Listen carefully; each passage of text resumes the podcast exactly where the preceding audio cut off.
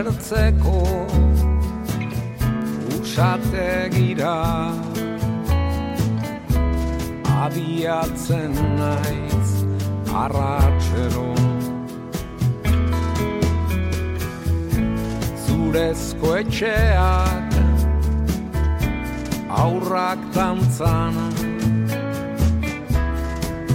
ederregia zain denaren zu baten zain Enego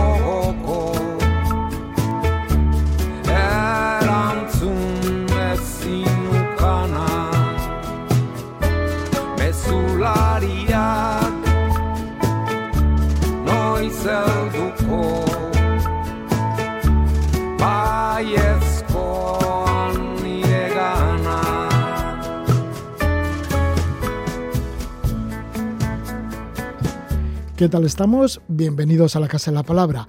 Hemos revisado la documentación del programa para entresacar las siguientes entrevistas. Para empezar estamos con Juanjo San Sebastián. El alpinista y escalador Juanjo San Sebastián ha escrito libros muy celebrados como Cuando la luna cambie o Cita en la cumbre. Nos va a presentar su tercer libro, ¿Cuánto es mucho tiempo? Retazos del camino. Es una selección de textos recopilados de artículos y apuntes que ha realizado Juanjo a lo largo de su carrera alpinista. Luego estaremos con Jorge Sánchez. Nos habla de su libro Mil y un lecciones de viajes, la Universidad del Planeta Tierra. Ha invertido Jorge 30 años netos de su vida en visitar todos los países del mundo y muchísimas de sus regiones e islas. Hace un compendio de lo aprendido por el camino en estas mil y un lecciones de viajes. Además estaremos con Joana García Romero y Chimi de los Dolores. Nos presentan la guía Pueblos de Guipúzcoa con encanto y excursiones por sus alrededores. Y es que Joana y Chimi se han tomado muy en serio la tarea de seleccionar 30 pueblos de menos de 5.000 habitantes con un gran atractivo en tradición, carácter, naturaleza, gastronomía y tranquilidad. Se han metido muy de lleno en esos 30 pueblos que describen en la guía. En cada visita han experimentado una sensación única y nos lo transmitirán en este programa La Casa de la Palabra que ya comenzamos. Estamos con Juanjo San Sebastián.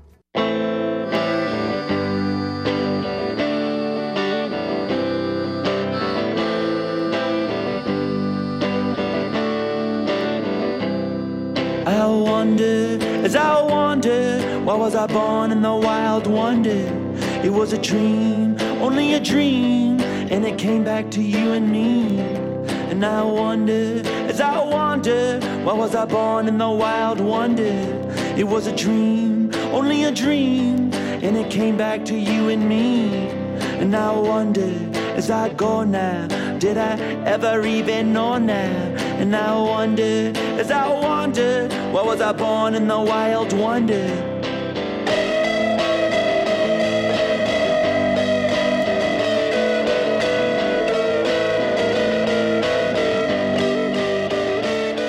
in the car on the highway. Keep my eyes on the highway in my chest. My blood, in my blood. You and me together. Behind my eyes, behind my eyes. Here comes stormy weather. On a drive, on the highway. Keep my eyes on the highway in my chest. Bump, bump, bump. Es el cantante Kiwi Morby con el tema Wonder estamos en conexión con el alpinista y escalador Juan José Sebastián, nacido en Bilbao en el año 1955. Tiene nuevo libro y es una muy buena noticia ya que como escritor no se prodiga demasiado, a pesar que obras suyas, obras anteriores como Cuando la luna cambie o Cita en la cumbre, sobre la historia del K2 en el año 1994, pues han sido libros muy celebrados. Juanjo San Sebastián comenzó en el año 1979 sus actividades en los Andes, en el año 1981 hizo su primera expedición al Himalaya, con el tiempo ascendió a 4 8 miles, entre ellas el K2, y formó parte del equipo inicial del programa Al filo de lo imposible de Televisión Española de 1983 al 2004. Es instructor de guías de montaña, guionista, director de documentales y piloto de ultraligero. Su nueva entrega literaria es ¿Cuánto, ¿Cuánto es mucho tiempo? Retazos del camino. Viene a ser una selección de artículos publicados a lo largo de varias décadas en diferentes medios, algunas cartas, textos que tenían guardados en el cajón y otros apuntes. Bueno, nos lo va a contar Juanjo San Sebastián. Juanjo, ¿qué tal estás? Gabón, buenas noches. Gabón, ¿qué tal estamos, Roger? Bien, Juanjo, pues sí que no te prodigas demasiado, a pesar de que tus libros anteriores, bueno, entre ellos Cuando la luna cambio cita en la cumbre, son como muy apreciados. Porque soy vago, porque me gusta mucho más escalar que escribir, aunque escribir me gusta bastante también. sí, sí. Y sí que te gusta escribir, porque ya te ha salido un libro solamente con estos retazos del camino. Bueno, con esos retazos y con un montón de cosas más. Eh, la idea se le ocurrió a Darío Rodríguez, el director de Desnivel, que siempre me está pidiendo cosas que publicar y yo le decía que no tenía nada más que artículos viejos. Y entonces eh, me animó mucho, y especialmente con el confinamiento allá por marzo, a hacer una selección de esos artículos y, darle forma de libro, ¿no? Entonces, bueno, pues eh, hice la selección y cuando vi la selección vi que no valía eso para un libro, que tenía que tener un hilo conductor, y que tenía que, que, ponerme a escribir para hilarlos, ¿no? Después, claro, eso fue al principio. Después lo que sucedió es que al releer esos artículos, claro, algunos de ellos tenían más de 30 años, pues te das cuenta de que ese eras tú, pero ya no eres tú, ¿no? Eh, pues que hay cantidad de puntos de vista que has cambiado con el paso del tiempo, pues que, que el que ahora escribe ese hilo conductor entre esos artículos no es el mismo que escribió aquellos artículos, esa especie de sensación he tenido. Y ese ejercicio de hilar todos esos artículos ha sido un ejercicio que ha sido una gozada. Me lo he pasado muy bien, ha sido como una reflexión a, a, toda una evolución, a mirarte a, a mirarse a uno mismo a lo largo del tiempo y ver pues qué ha sido cambiando, ¿no? Y estos escritos originalmente están hechos cuando ibas a alguna de las expediciones, porque comentas que siempre llevabas en las expediciones varios cuadernos. Además, no te gustan los cuadernos así cuadriculados, sino los que tienen página en blanco y te llevabas además muchos bolis. Claro, porque en aquella época no hace yo las últimas expediciones que he ido, pues llevaba el ordenador, claro. Eh, a las pocas últimas expediciones que he hecho con ordenador. La inmensa mayoría de mis expediciones han sido sin teléfono y, sin ordenador y sin ninguna clase de comunicación más que, como cuento en el libro, eh, la figura aquella que teníamos del Mail Runner, ¿no? que era el, nativo, eh, bien pakistaní, bien baltí o bien nepalí, que hacía el enlace entre el campo base y el buzón de correos más próximo, que esa proximidad era pues igual de cuatro o cinco días mm, de subida o de bajada. Eh, con lo cual pues recibías cartas en una expedición pues como dos tres veces al mes no y, y, en esa época, pues claro, llevaba muchos bolígrafos y porque siempre tenías algún atontado de amigo en la expedición que no llevaba ninguno y luego siempre estabas tú atontado algún día y perdías el boli, ¿no? Entonces, eh, la única herramienta que tenías para escribir era, era el boli y era el papel. Sí, escribes que por fortuna los alpinistas de mi generación conocimos un tiempo en que las comunicaciones se hacían casi exclusivamente a través del correo postal. En las expediciones mm, eran los runners nativos que, haciendo honor a su nombre, cumplían un tiempo, en un tiempo récord una misión de enlace entre los campamentos base y los buzones de correos. Fíjate qué historias, ¿no? Y claro, en el libro también, bueno, y luego también señalas que sigues enviando postales, que no te has dejado la costumbre de enviar postales. Claro, cuando voy por ahí de viaje, sí, claro que mando postales, sí, sí. Y cuento también eso, pues que el último viaje que hice por Pakistán hace dos años con mi hijo John, pues a él lo de las postales no lo entiende, le parece una tontería como la copa de un pino, ¿no? Pero a mí me parece muy bonito. Y luego sí que me parece una cosa, y una, que es que según la herramienta que uses, eh, te sale un texto o te sale otro. Según el vehículo que utilices, eh, te desplazas por unos territorios o por otros territorios. Es decir, cuando uno escribe un, un WhatsApp por, por el teléfono, escribe algo que es muy inmediato y que tiene como poca consistencia en cuanto a en general, ¿eh? me refiero, en cuanto a eh, poca profundidad, quiero decir. El, correo electrónico es un poco más que el WhatsApp, pero es algo también muy inmediato, es algo que sabes que el destinatario lo va a leer enseguida y que además tú lo puedes terminar ahora mismo. Yo recuerdo que las cartas que escribía pues eran mucho más reposadas, eh, había cartas que tardaba días en escribir y si coincidía que, que, al, que dices, bueno, pues mañana continúo la carta, pero mañana resulta que hacía buen tiempo en vez de malo, eh, te ibas a, escalar y bajabas igual al de tres días, ¿no?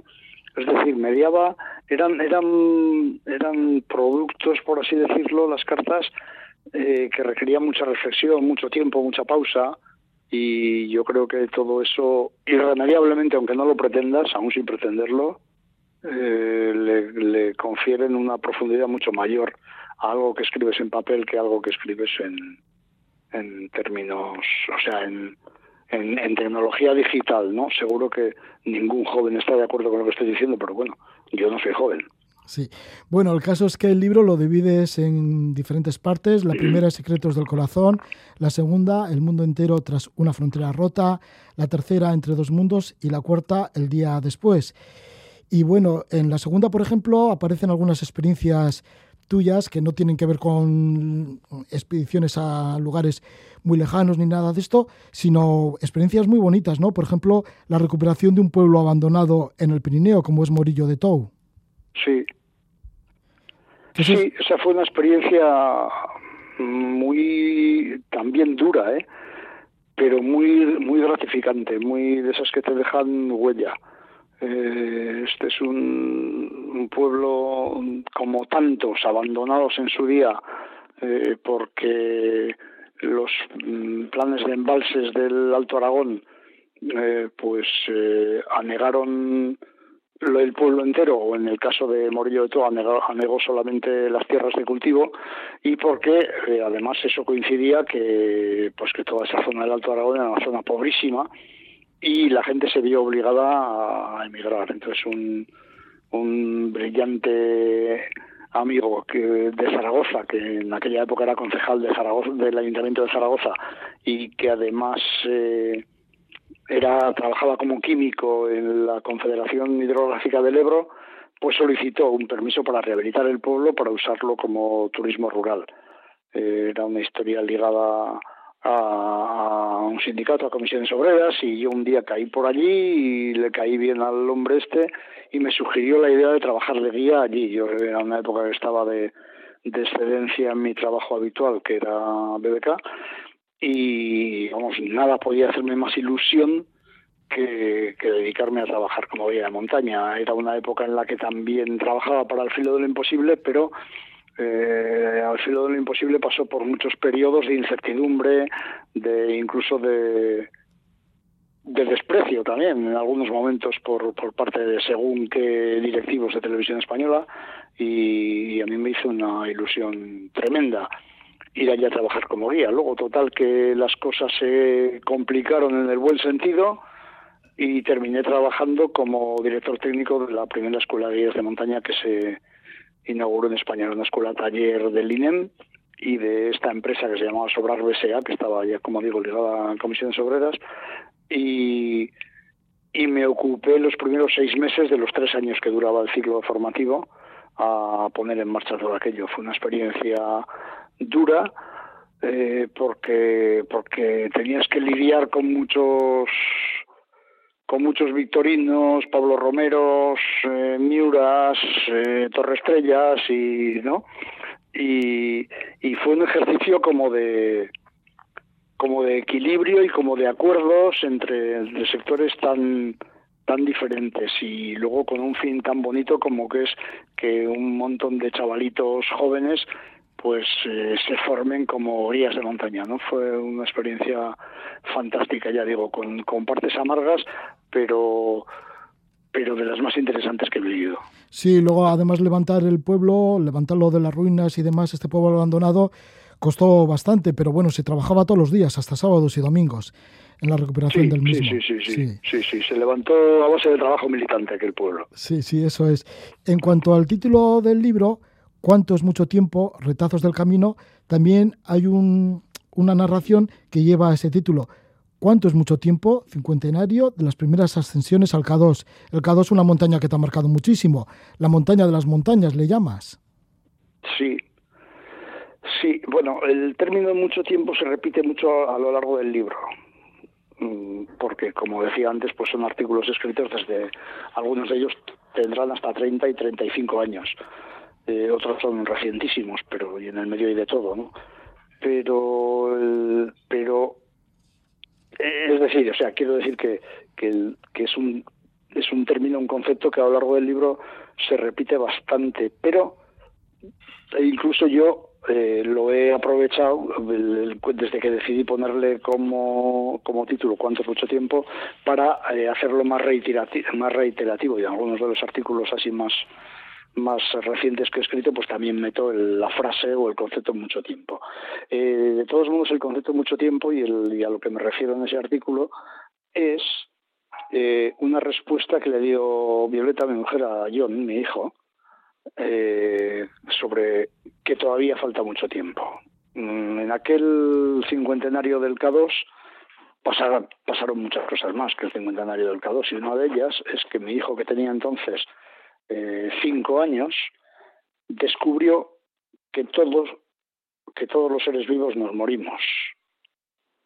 Y estaba el pobre pues desolado en la cocina de casa me acuerdo y y le y cuando alguien en la escuela o no sé dónde le había dicho que se moría pues le preguntó a, a su madre y tú te vas a morir también sí.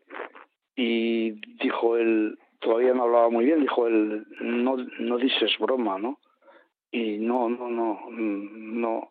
Y entonces bajó la cabeza y sin ningún aspaviento y sin ningún eh, espasmo ni, ni, alteración así aparente se le caían unas lágrimas al pobre como como como puños no y y le, y le dijo su madre, me acuerdo, dice, bueno, sí, sí, nos vamos a morir todos, pero no te preocupes porque todavía para eso falta mucho tiempo. Y por eso titulé a ese artículo Mucho tiempo y por eso he titulado al libro Mucho tiempo. Bueno, pues ahí está este libro de Juan José Sebastián, ¿Cuánto es mucho tiempo? Retazos del camino, Lolita, lo edita Desnivel. Muchísimas gracias por esta conexión contigo, con Juan José Sebastián, y que vaya todo muy bien. Que lo disfrutes mucho. Roger. Un abrazo.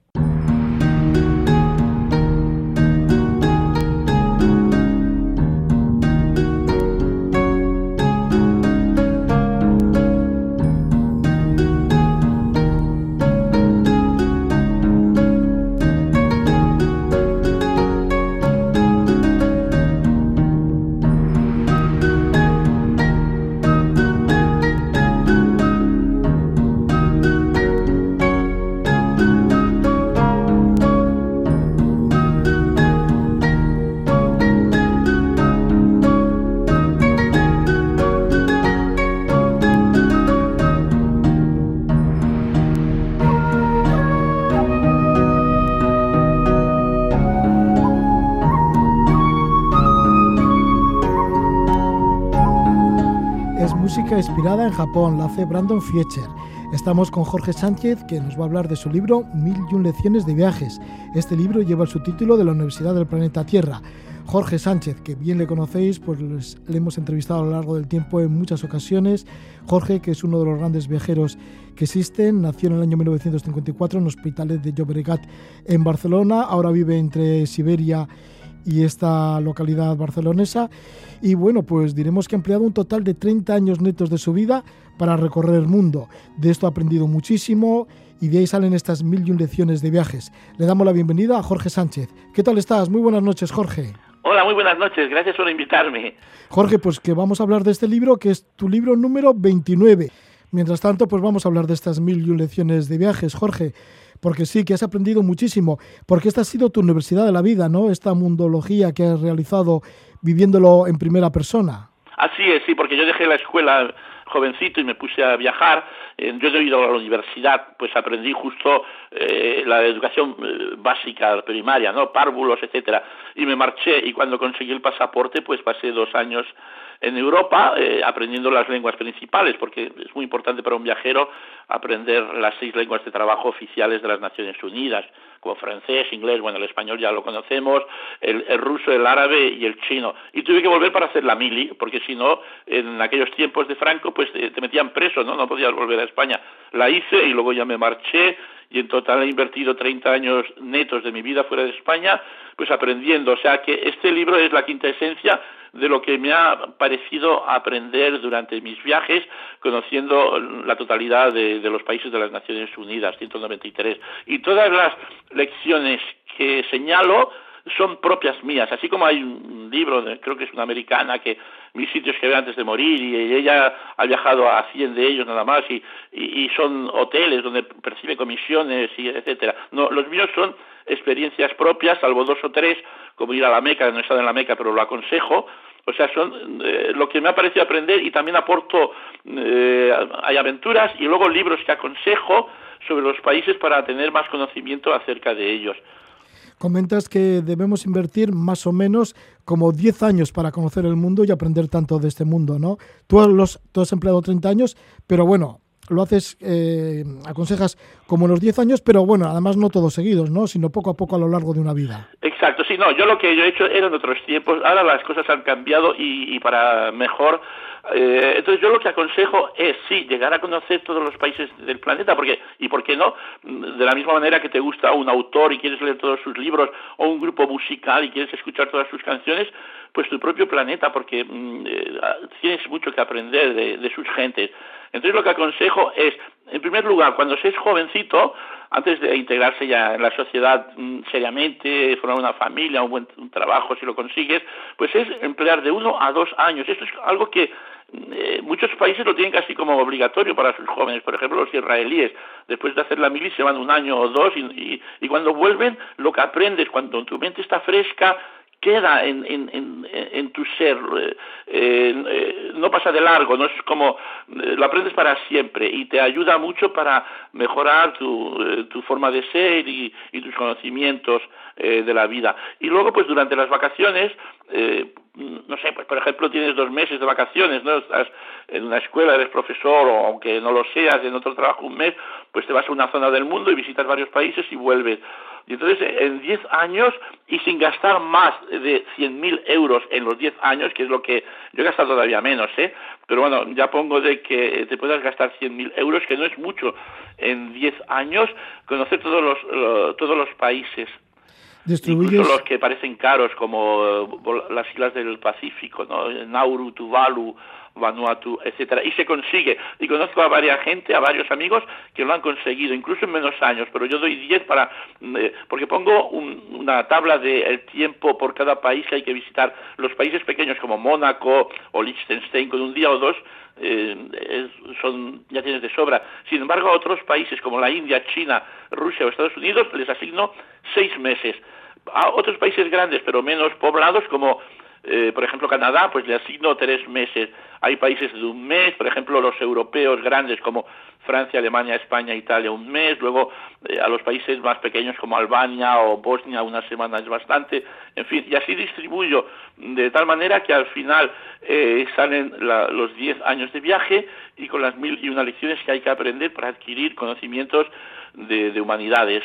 Sí, el libro está dividido por continentes en Europa dices que son 43 países que merecen un mínimo de un año y medio de viajes para estudiar 180 lecciones y leer 15 libros, porque siempre también acudes a los libros.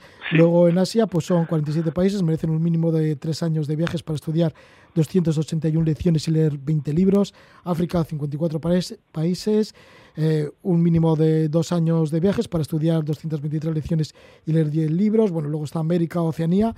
Así que eres muy consciente de cada una de las lecciones que has aprendido en cada uno de estos continentes y el tiempo que has de invertir.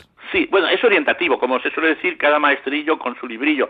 Puede venir otro eh, viajero y proponer mil y una lecciones distintas a las mías y que también serán muy mm, eh, muy adecuadas y buenas, ¿no? Pero bueno, esto es mi experiencia personal, salvo tres o cuatro, ya te digo, como eh, no pude ir a la Meca por no ser musulmán, no me dejaron cuando estuve en Arabia Saudita, eh, no he comido fugo en Japón porque salía el plato por 200 euros, mm, tres o, no he estado en el monte Vinson, que lo aconsejo visitar en, en la Antártida, pero todas las demás son experiencias propias.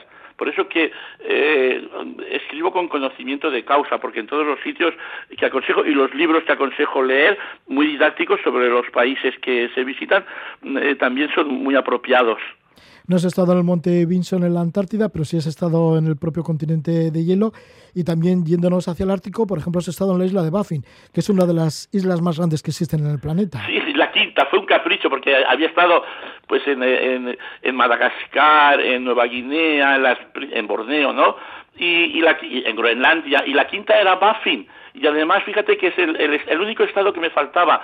Eh, Canadá tiene 14 provincias, yo conocía las del sur la, y me faltaba el segundo piso, como yo le llamo, Yukon, Nuevos Territorios, eh, y me faltaba Nunavut, que se llama así, que tiene un estatus casi semi-independiente y quería conocer a los nativos de allí, los inuits, ¿no? Entonces me fui, me pasé una semana entera, carísima, te vendían las uvas por unidades, a, a, a medio, medio dólar o así, todo era carísimo.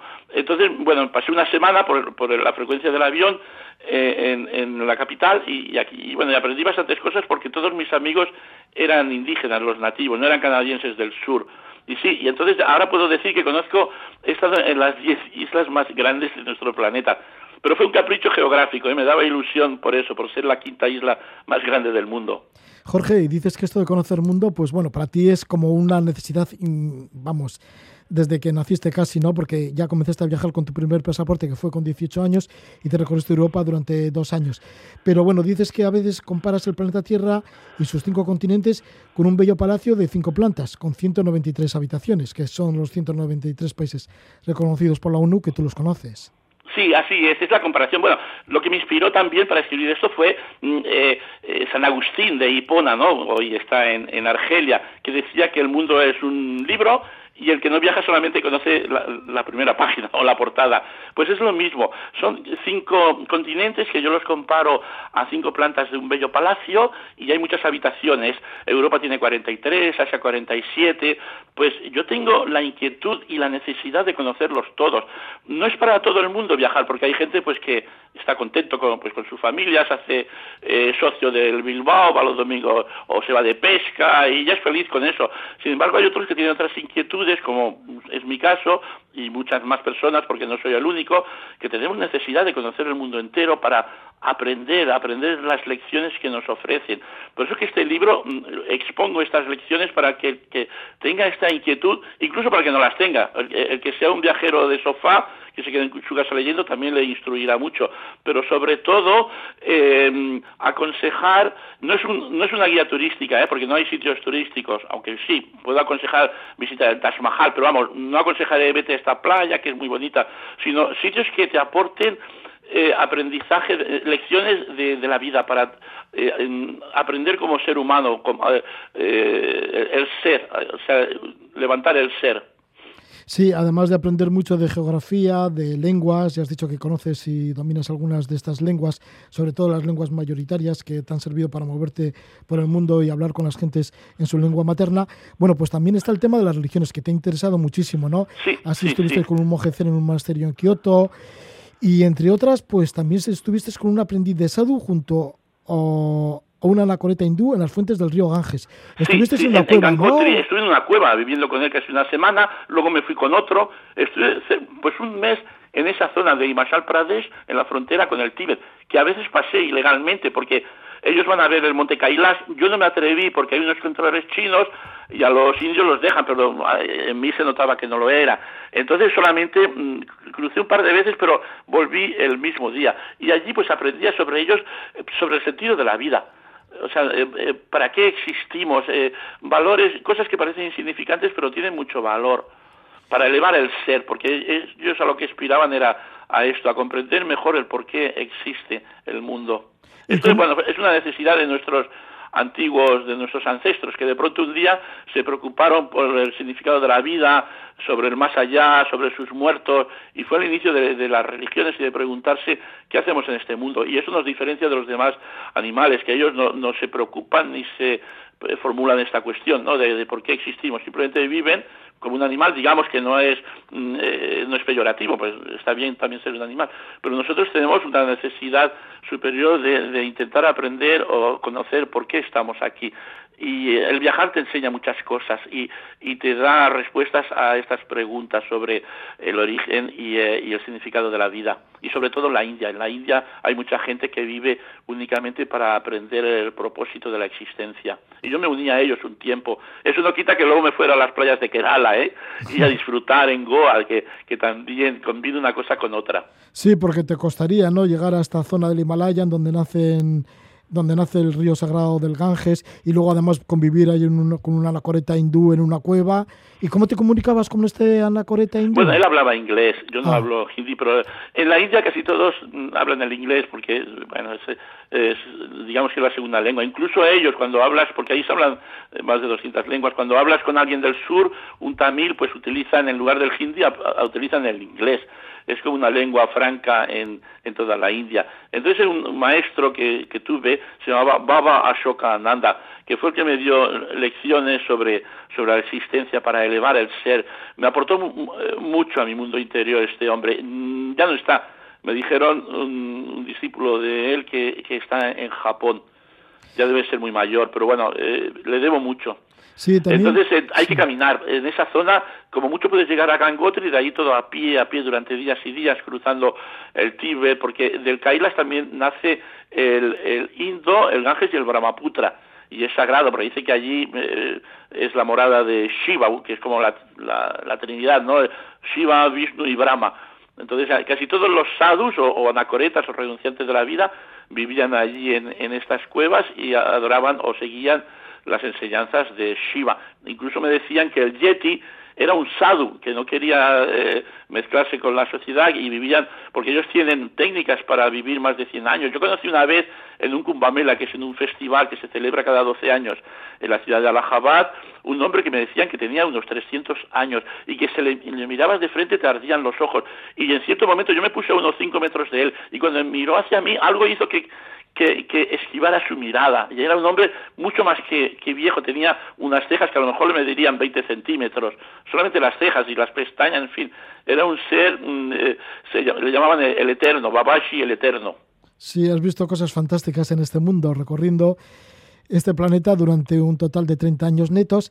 Y bueno, y, en el libro también aparecen lugares de minorías, ¿no? Como por ejemplo la Lis, un lugar, el lugar más sagrado de los yasedíes. Ah, Esto está cerca de Erbil, ¿no? En sí, sí, sí, cerca de Erbil, sí. ¿Qué será de ellos? Los he visitado en dos ocasiones y la segunda me pude haber quedado, pero tenía, bueno, tenía, tenía que volver con mi mujer, ¿no? Porque, con, bueno, la que hoy ahora es mi esposa y estuve con ellos un día más. Y luego sucedió mm, una invasión de estos fanáticos musulmanes que mataron a varios de ellos y esclavizaron a sus mujeres.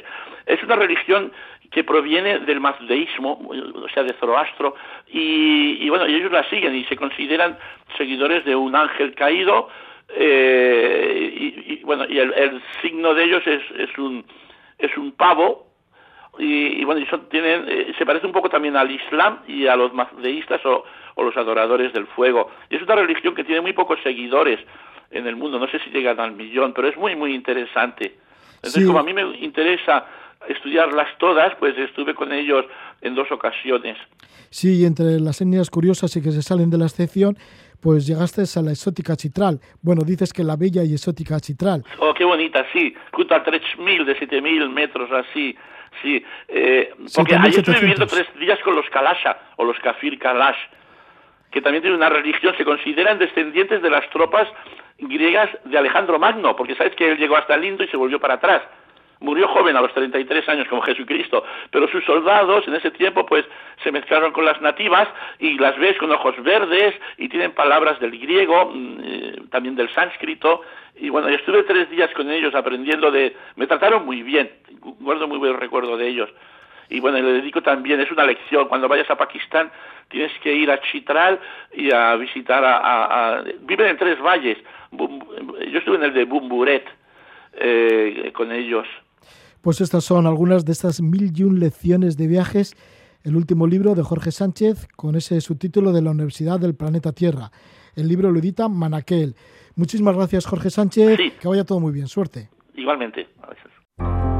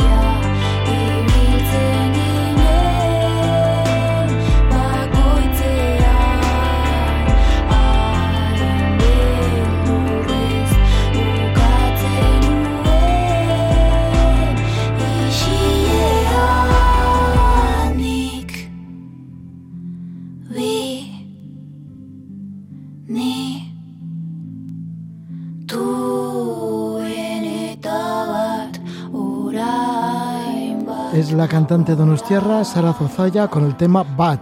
Vamos a hablar de un libro que lleva el título de Pueblos de Guipúzcoa con encanto y excursiones por sus alrededores. Lo edita Suba Edisioac y es dentro de la colección Euskal Herria y vamos a ir con esta guía pues al encuentro de esos pueblos de Guipúzcoa que tienen tanto encanto, son pueblos que tienen menos de 5.000 habitantes, que son tranquilos y a su encuentro han ido los autores que son Joana García Romero y Chemi de los Dolores Miguel.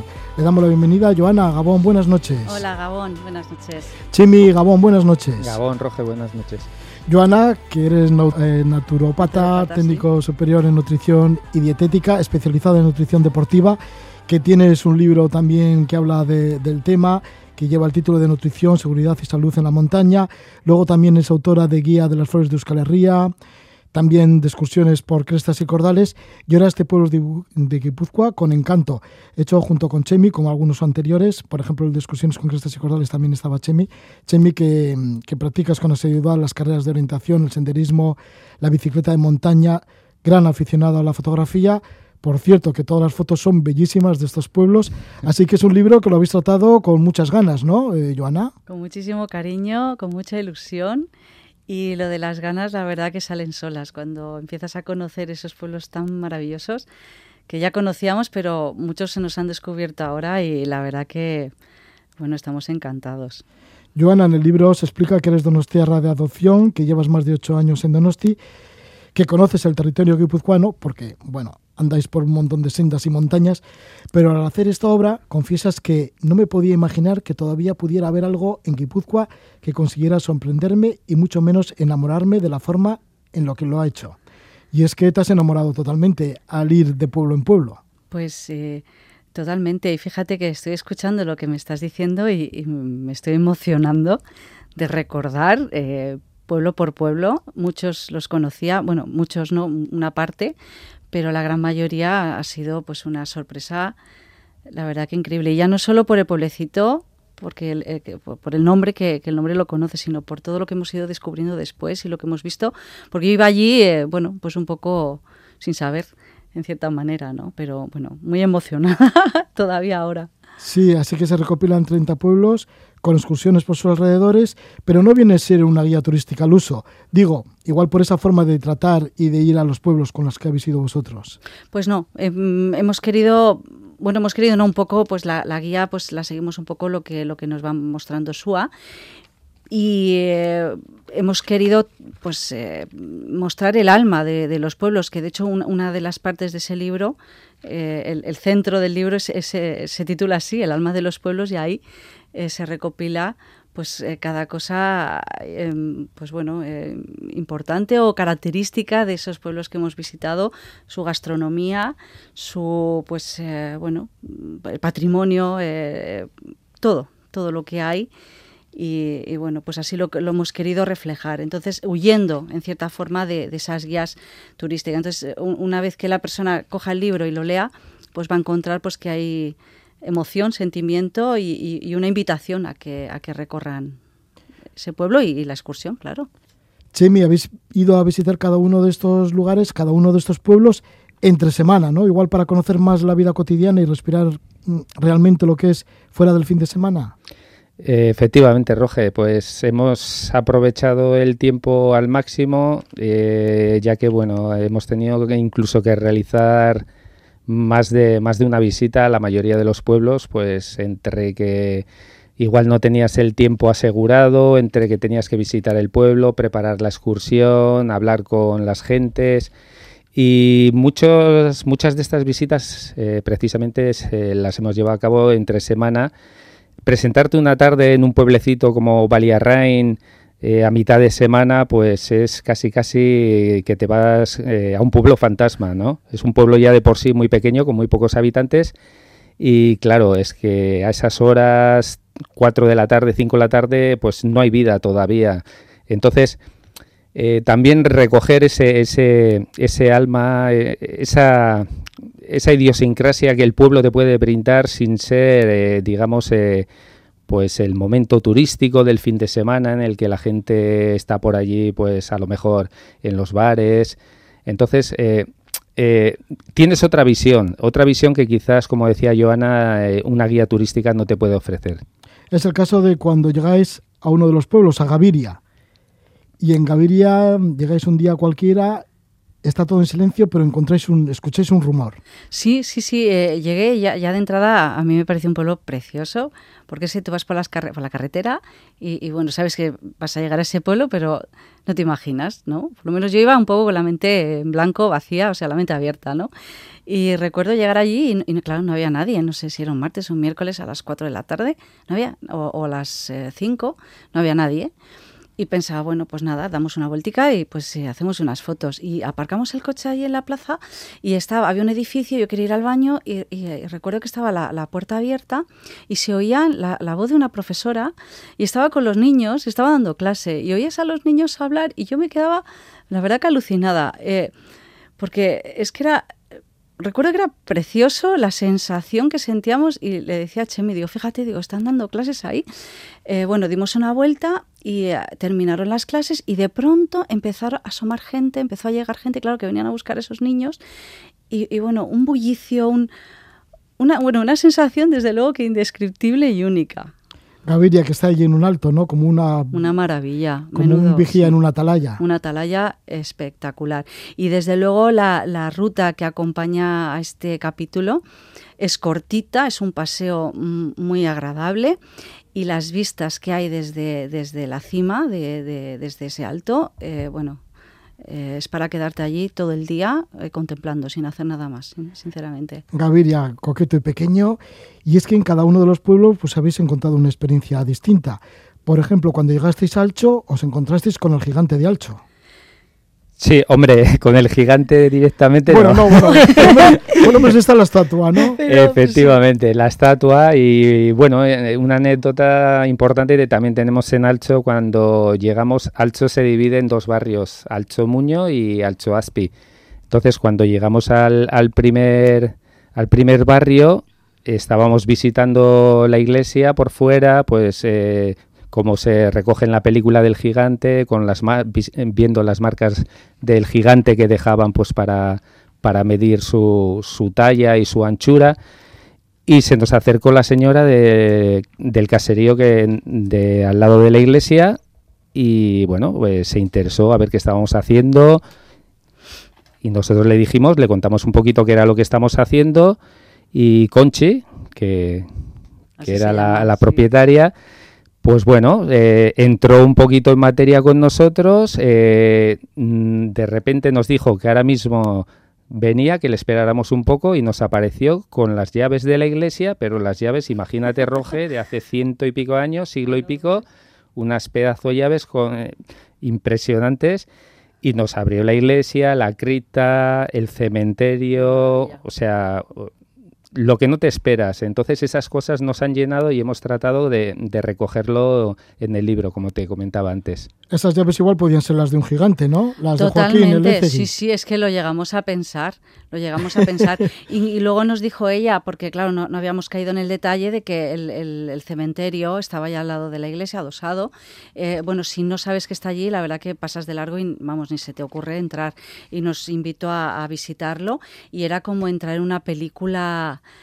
no sé, de, de, muchísimos años atrás. Entonces eh, recordamos la película, que no hacía mucho que la habíamos visto, y todo el, el mito ¿no? que, que, hay en torno a esa, a esa película, sobre que, bueno, a esa película y a la historia de, de Joaquín, de que habían, eh, bueno, pues se habían perdido los huesos, que se los habían robado para estudiarlos y que nunca se supo la historia de él. Y, fíjate que hace poquito que, que, hemos escuchado que Aranzadi pues, eh, pues los, ha, los ha sacado, o sea, que estaban allí en estaban ahí enterrados en, en la tumba aquella. O sea, sí, en ese cementerio que os enseñaron. En ese cementerio, sí. Bueno, pues ahí está Joaquín Elecegui, ahí están sus restos, el gigante de Alcho. de Alcho. Y también uno de los pueblos que habéis visitado, y además repetida veces, es Ataun. ¿Por qué habéis estado como alrededor de siete veces en Ataun? Bueno, Ataun es un capítulo, yo creo que es el asterisco de, de, toda la lista, ¿no? Pero no el asterisco de marcarlo como negativo, sino todo lo contrario. Por la cantidad de veces eh, que hemos tenido que ir a visitarlo. Ataón, bueno, a pesar de ser un, un, núcleo de población no muy grande, pues se divide en varios barrios, con lo cual hemos tenido que ir a visitar cada uno de ellos. Eh, aparte, bueno, no nos pillaba el tiempo que el tiempo la climatología tampoco nos acompañó mucho.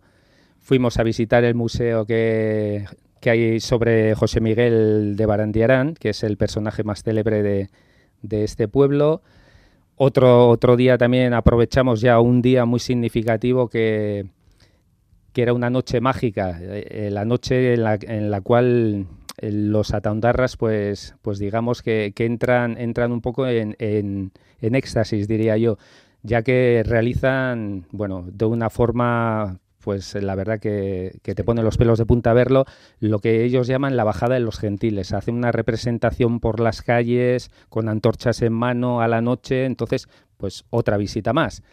Otra visita para hacer la ruta, una ruta además que de las más largas del libro, a pesar de que no son rutas muy, muy complicadas las excursiones, pero esta sí, esta sí que tenía un poquito más de, como decimos los montañeros, un poco más de tralla y alguna otra visita ya le tuvimos que hacer, que no recuerdo muy bien para qué, pero en un total de... Has dicho siete, pero creo que cinco, cinco fácil, ¿eh, Roge? Cinco fácil. Sí, sí, sí. Pero con ganas, con gusto. ¿eh? Yo me acuerdo porque esa excursión que ahora está en el libro, aparte que es preciosa, es la verdad muy recomendable también, es, larga, pero es eh, muy recomendable. Eh, la, la cogimos como segunda opción porque la primera era una que, bueno, queríamos ir por la, por la parte de arriba del, del Duomo, que, se, bueno, que es esa formación geológica característica que define a Town. Y bueno, pues el track que teníamos, pues no sé por dónde nos llevaba. La cuestión es que nos metimos en un lío que dijimos, por favor, esto no, no, lo podemos poner en el libro ni, ni de broma, porque si no, no se van a acordar de nosotros para toda la vida. Y, y, bueno, tuvimos que cambiar, por lo tanto, esa fue, pues, yo no sé, la séptima o la octava vez, pero volvería mil veces seguidas más y haría otro libro exclusivamente de Ataun solamente. Otro de los sitios que os ha dejado con la boca abierta es el Flis de Motricu. Wow. Ahí os quedasteis tres días. Sí, sí, la, ver, la verdad que bueno, el FLIS mm, de Mutriku, Mutriku está englobado dentro del geoparque de, la costa de la costa guipuzcoana, pero digamos que todo el protagonismo se lo llevan tanto Deva como Zumaya, sobre todo. Y la gente pues parece olvidarse un poquito de Mutriku y Mutriku, pues como te digo, forma parte del geoparque y tiene su flis. Y además es un flis muy, muy característico, es el flis negro, ¿eh? el flis, que son estas rocas que conocemos todos estos estratos que están en la en la rasa mareal, negro, impresionante. Y allí pues nos quedamos tres días porque un día nada más lo dedicamos eh, para realizar una ruta, eh, como yo digo, sobre el mar. Es decir, fuimos desde la playa de Saturrarán, que está prácticamente en, en hasta el pueblo de Mutricu, eh, por toda la rasa mareal, por toda la costa. Por supuesto, una ruta para hacer en marea baja, porque si no es imposible, ya que te atrapa la marea y no puedes realizarla. Y esta, esta, ruta, la verdad, fue algo único, único. Terminamos en el pueblo de Mutriku, luego otro día lo dedicamos para recorrer también el pueblo de Mutriku, que también tiene pues mucha historia, mucha historia sobre todo pesquera. Y otro día, un tercer día, como tú decías, pues para realizar la ruta, que ya subimos a, a la Cruz de Arno, que es una atalaya, bueno, el vigía, ¿no? De, de toda esa parte de, de la costa. Con lo cual, pues bueno, tres días muy bien invertidos y como, como te vuelvo a, a, repetir, con muchísimo gusto de haberlo, de haberlo realizado. Otra sorpresa es Lynch Gachaga. Lynch Gachaga, sí. Lynch Gachaga, que escribís como la villa del corazón salino. Está cerca de Álava y se saca sal desde la Edad Media. Pues sí. Hay un museo también allí de sí, ello. Sí, ahora, ahora ya no se de, ya no, bueno, ya no, no es una explotación, no, no, no, lo utilizan a nivel económico, o sea, no, bueno, la economía ya, ya forma parte de, bueno, ya es historia en ese sentido, pero eh, pues hasta hace no muchos años eh, se ha estado extrayendo sal del corazón de la montaña, literalmente. Eh, en su centro existe un, diápiro, que es así como se llama esa formación rocosa salina, y eh, no se sabe exactamente las dimensiones que puede tener, porque no, no lo han medido, pero tiene que ser exageradamente increíble porque si están sacando sal desde entonces hasta ahora, que, que, todavía está brotando de allí, y en el mismo museo, que merece la pena, eh, pues bueno, eh, acercarse y, para que nos enseñen pues cómo, cómo, vivía la gente entonces, cómo lo hacían, eh, las, eh, los utensilios que utilizaban, las, las dorlas, que se llaman, que es donde ponían la sal, que el agua con sal, y lo que hacían era evaporar el agua con, con, fuego que ponían debajo. Lo que pasa que todo eso al cabo del tiempo pues se ha ido, se fue modernizando. y bueno, nosotros de allí ya nos llevamos una garrafa de agua de unos 8 litros o así, y yo en casa, en el horno, eh, un fuego muy, muy poquito, muy poquito, he conseguido sacar una sal, pues bueno, y súper contenta, ¿no? Porque hemos hecho sal y yo nunca, nunca había hecho sal, o sea... Estas son algunas de las sorpresas que te puedes encontrar en estas 30 propuestas, en estos 30 pueblos que se encuentran en esta guía, Pueblos de Guipúzcoa con Encanto y excursiones por sus alrededores. Estamos con sus autores, con Jona García y Chemi de los Dolores. Ellos han impregnado para hacer esta guía de cada uno de los pueblos, de sus personajes. Muchísimas gracias por estar con nosotros. Joana García, mucha suerte, que vaya bien y hasta ah, una próxima. Sí, a ti, Roge, muchísimas gracias. Gracias por venir, Chemi de los Dolores. gracias, gracias, Roge.